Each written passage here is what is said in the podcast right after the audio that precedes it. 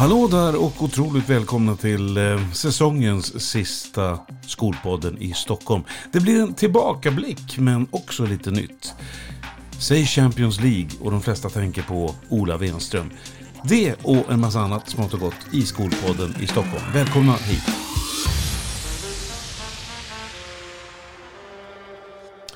Ja, idag då ska vi ta och blicka bakåt lite grann. Titta i backspegeln helt enkelt i skolpåten i Stockholm.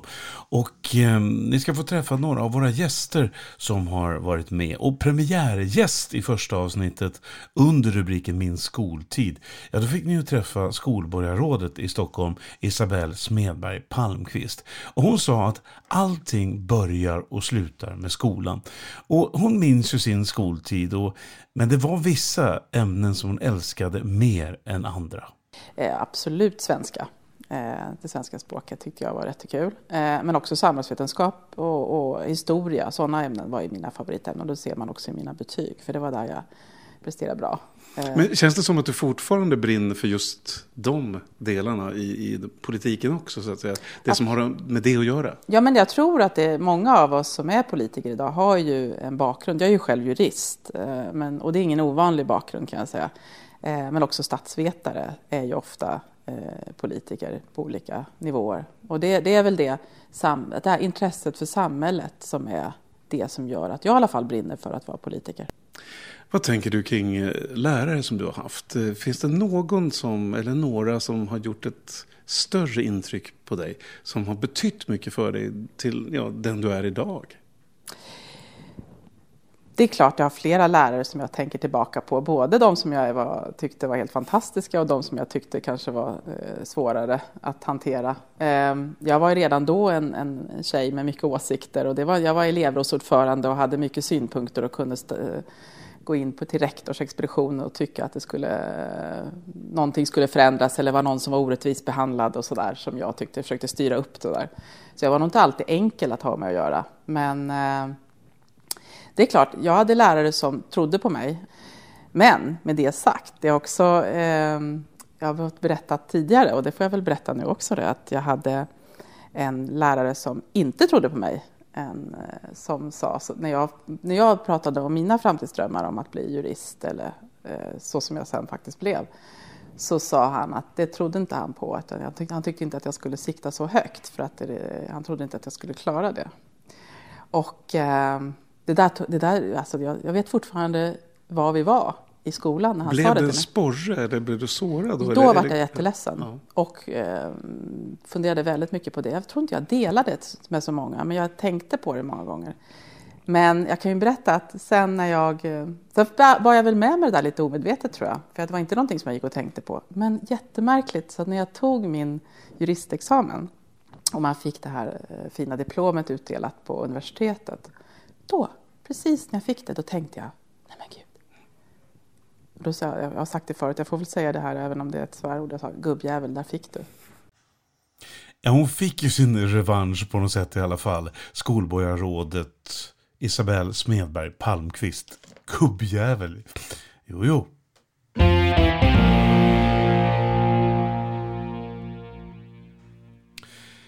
Vi har haft en lärarpanel som har eh, varit med och tyckt till om en massa olika ämnen. Och det brann till rejält när det pratades om betyg och lite annat.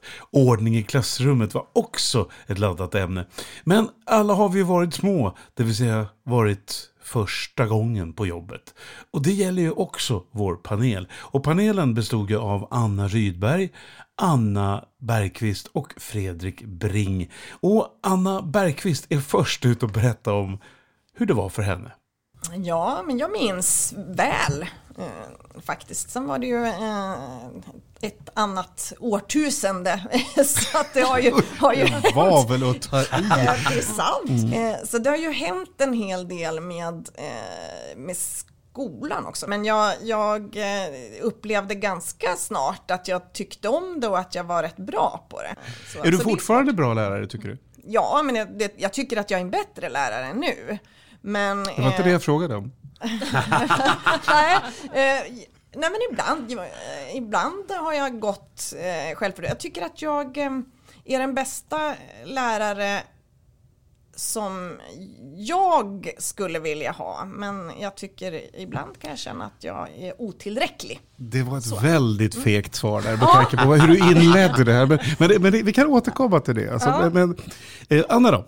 Anna Rydberg, va, va, hur, hur, var din första dag? Ja, jättenervöst kommer jag ihåg. Mm. Och första, första året tror jag, innan man fick den här säkerheten. Eh, jag tror hela min lön gick till Mariekex och satt till ungarna för att de skulle tycka om mig. Jag trodde man skulle Mutor, muta sig dit. Ja. Fredrik, du då? Ja, jag har väl lite blandade minnen från mitt första skolår kan jag säga. Jag blev ju klasslärare i en årskurs 5 och jag är ju SO-lärare. Så jag fick ju ha ämnen jag inte eh, egentligen var behörig i. Eh, alltså jag älskade att ha mina SO-ämnen, men inte de andra. Men vad har du lärt dig av det då? Att inte undervisa ämnen jag inte behärskar. det, alltså, det, nu, nu undervisar jag bara i sömnen. Om jag har mardrömmar nu för tiden så är det just att klassrummet är kaos. Det var otroligt härlig stämning.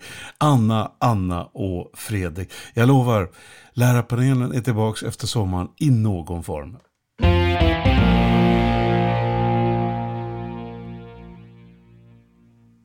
En regnig och ruggig morgon tidigare i år så åkte jag in till regeringskansliet och eh, fick träffa skolministern.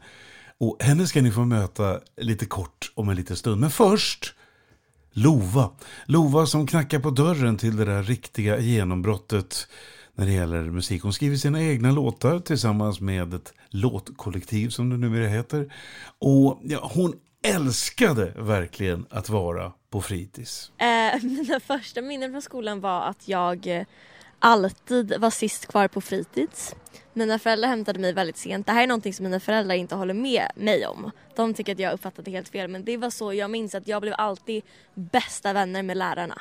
Det var liksom, det var mina närmsta, närmsta kompisar på skolan. Och att jag hade det väldigt, väldigt kul, hade alltid väldigt mycket vänner och gillade ändå att vara på skolan faktiskt. Som tur är har jag alltid haft musiken och alltid, alltid kunnat landa liksom tillbaka på den biten och liksom den kreativa biten och att det här kreativa som du pratar om, alltså, kände du, alltså, om vi tittar lite grann utifrån där du befinner dig idag mm. och så tittar du baks på den tiden och du pratar om kreativiteten. Alltså på vilket sätt visade den sig då, som du minns? Du gillade ju musik och ja, gillade du andra kreativa ämnen. Men, ja. men, om vi håller oss till musiken.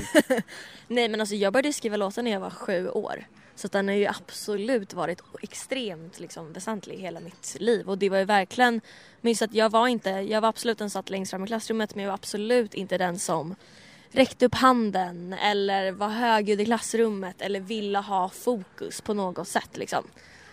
Um, så att för mitt sätt, liksom, musiken blev liksom någon typ av så här, utlopp för mina känslor och tankar. Och... Blev det en kanal liksom? Ja, nej, men exakt. För jag gick ändå runt och tänkte väldigt mycket. Jag var otroligt mycket i mitt, uppe i mitt eget liksom.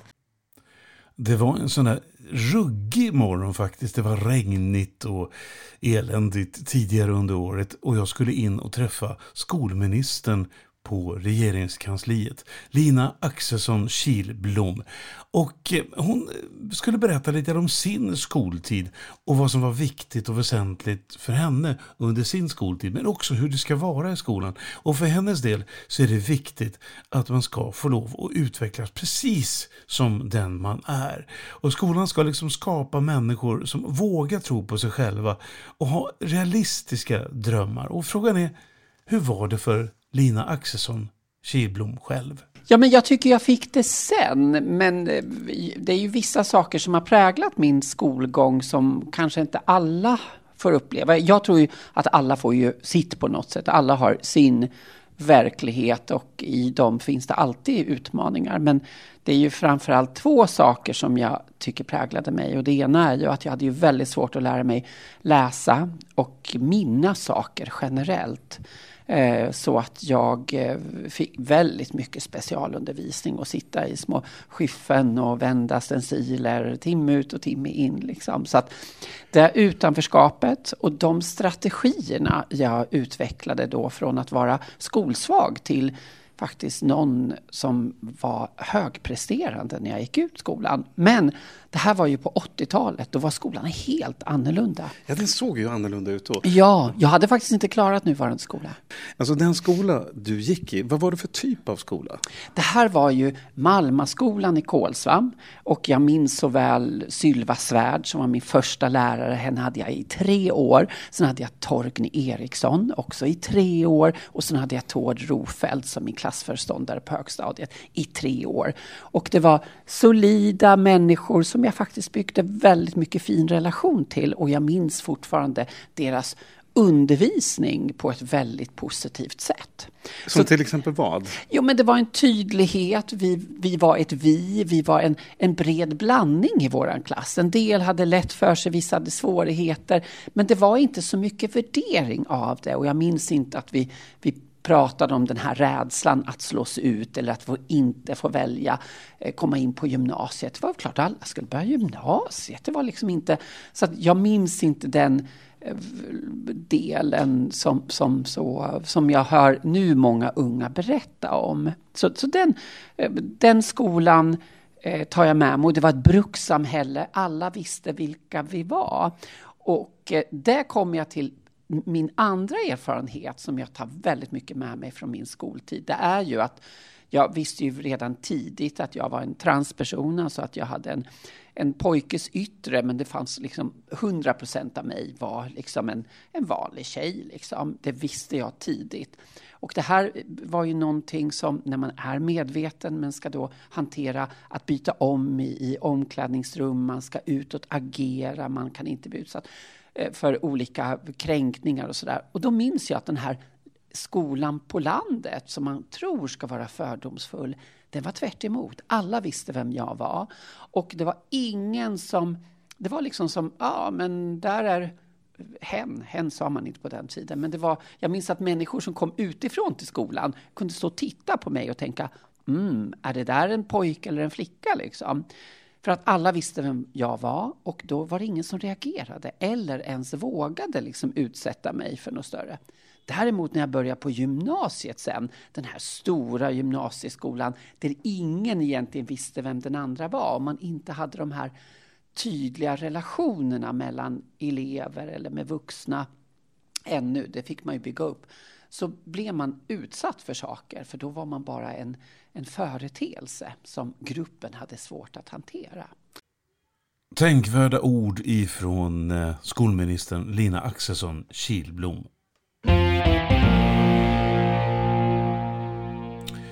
Men nu till någonting helt annat.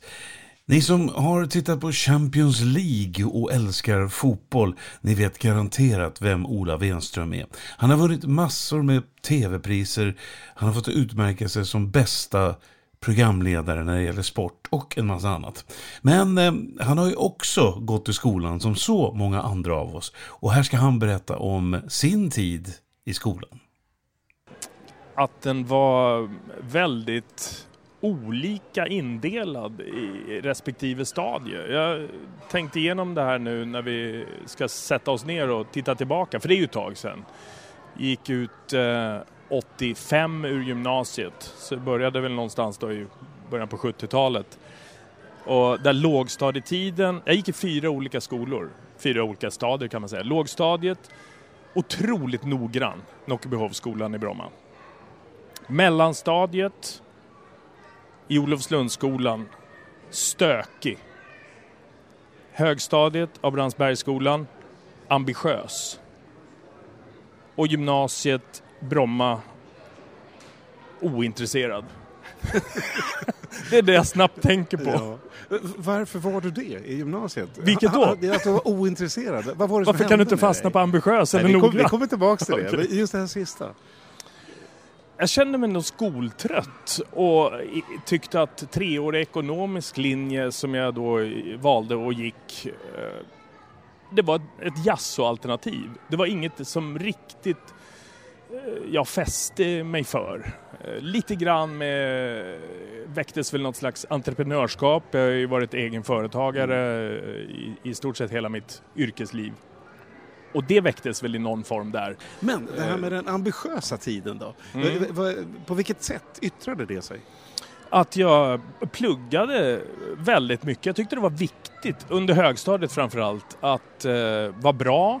Jag tyckte det var roligt att lära mig. Jag hade några lärare som var eh, verkligen sporrande.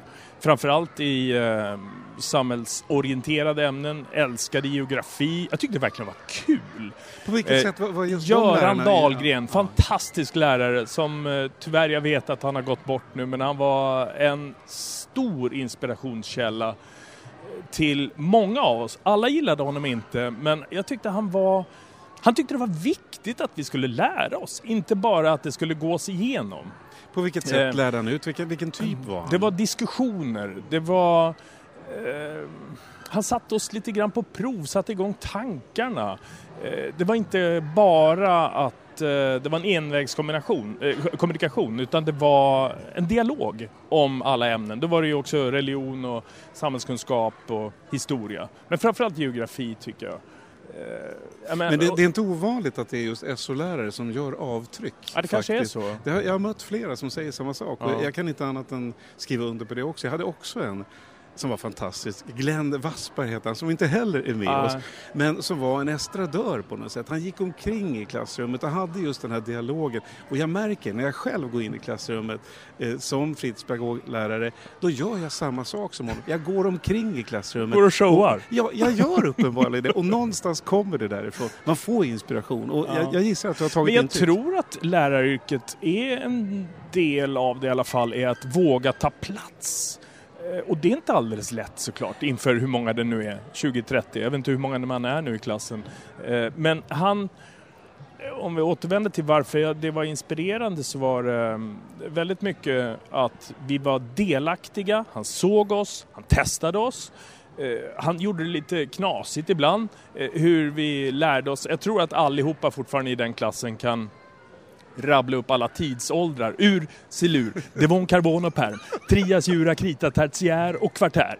Ja, men då satt vi och liksom rappade hela klassen och bara dunkade i bänkarna. Men det sitter ju där. Ja, ja, det, vad jag nu ska med den till. Men nu fick jag användning för den. Ja, och du blev glad. Du Ja. fick ju glädje i det hela. Och Ja. lärande, det är glädje. Jag tycker det är viktigt. Den andra sidan då? Eh, när det inte var som så att det tilltalade Ola i åttonde klass till exempel. Ja, så var det nog mera en typ av, det fanns två lärare, en eh, gammal militär som verkligen gjorde skäl för det i, i sitt sätt att vara och domderade och pekade och skrek och vi marscherade in på rad. Vi var, vi var livrädda i kemin. Eh, och så vet jag att matten tyckte jag var hopplös därför att den läraren var genuint ointresserad av att vi skulle lära oss. Ja, men, eh, jag tyckte det var knepigt med ekvationer och vi frågade liksom, varför, varför ska vi lära oss det här? Vad, vad kommer vi ha för nytta av det? Ja, om du ska bygga en bro någon gång. Ja, och det hade jag inte liksom Det att ta någonstans vid horisont. Det är väldigt svårt att ta in Eh, Och det var oinspirerande och han satt och var trött vid katedern. Men bara för att eh, sen få kontrasten till en riktigt suverän lärare i gymnasiet, det var det enda jag gick igång på där egentligen. Eh, en fantastisk eh, lärare, magister, som tyckte det var viktigt att jag fattade. Så jag var ju uppe och snutt, eh, studsade på nästan femma där. Alltså det var, och det bara utifrån att det sporrade eh, mig eller inte. Men det där Ola är så viktigt eh, och och det är det som man ofta pratar om, inte minst från Lärarförbundet och så vidare, att läraren är så viktig. Den är helt avgörande. Mm. Det är inte pedagogiken i sig, det är inte ämnet i sig, det är inte läroböckerna i sig, utan det är just lärarens sätt att kunna inspirera elever. Mm.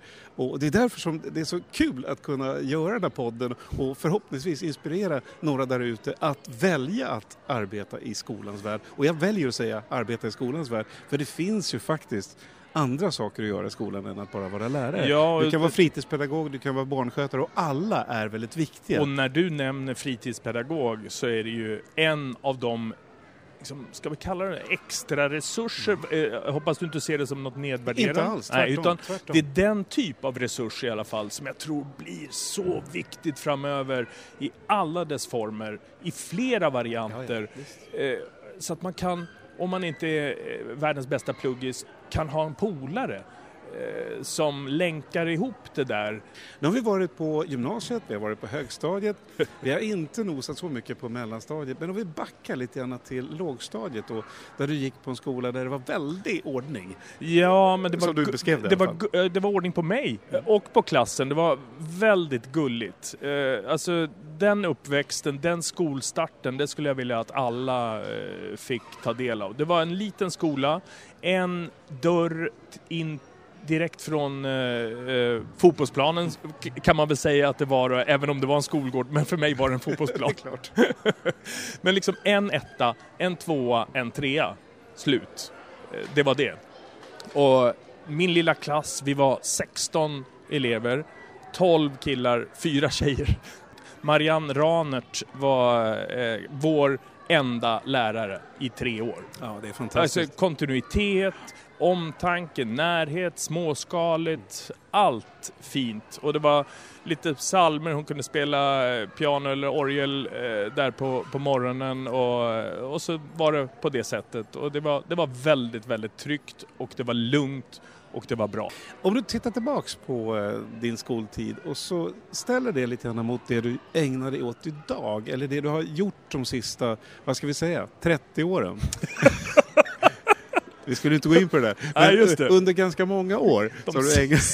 Nej, de senaste 30 åren skulle jag då säga. Jag hoppas inte att det är de sista, om jag nu Nej, ska exakt. märka. De, precis, de senaste. Ja. Men, så har du ägnat dig åt helt andra saker.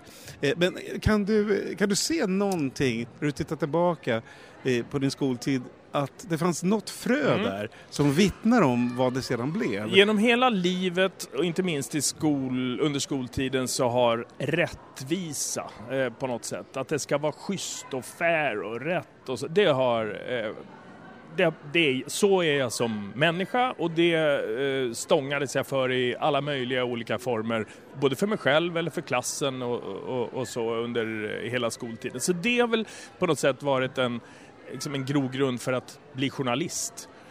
Eh, på gymnasiet nu tycker jag mer och mer om gymnasietiden när- vi pr- eh, pratar om den. Så, eh, så hittade jag helt plötsligt under någon uppsats och jag vet att jag valde ämnet, man fick ju ett ämne och och två, tre timmar på sig eller vad det nu var att skriva en uppsats om. Gymping, en modefluga eller nödvändighet. Och då tog jag tag i och skrev rätt eh, så här, krönikerande om. Och helt plötsligt så, vad fasen, det här är ju så kul! Och jag kunde argumentera helt plötsligt, jag kunde berätta, jag kunde vända och vrida på begrepp som jag aldrig hade gjort tidigare. Och helt plötsligt så, så förstod jag att det här är ju någonting som kanske kan bli något, vara något eh, och som jag kan göra något av. Så, så från och med det ögonblicket, en, en specifik uppsats där knäckte väl koden på något sätt. Man fick ju två svenska betyg. Ett i litteratur, läste inte mycket kan jag meddela. Där fick jag en fyra. Och när jag vände på lappen i sista, eh, det sista som hände i gymnasiet och där det stod svenska språket som för mig var viktigt och jag hade gjort bra grejer. Då stod det en trea. Men, och jag kunde inte hålla mig. Vad är det frågan om? Ah, Och så smällde jag igen dörren och gick ut och grät. Det var så jag lämnade skolan faktiskt. Så det är inte snyggt. Men, men det kanske föddes det någon revansch. Ola, Ja. fantastiskt roligt att du hade möjlighet Eh, att ställa upp och vara gäst eh, tack. i Skolpodden. Det var roligt Och att Vi hade kunnat prata lite. mycket, mycket mer. Men nu har vi valt att, handla, att det ska handla om just det här som handlar om skoltiden. Ett porträtt av Ola Wenström, det får bli en annan gång. Men, tack så jättemycket för Tack att snälla du kom hit. Björn. Jag hoppas verkligen eh, att eh, några tankar kan fastna hos någon där ute.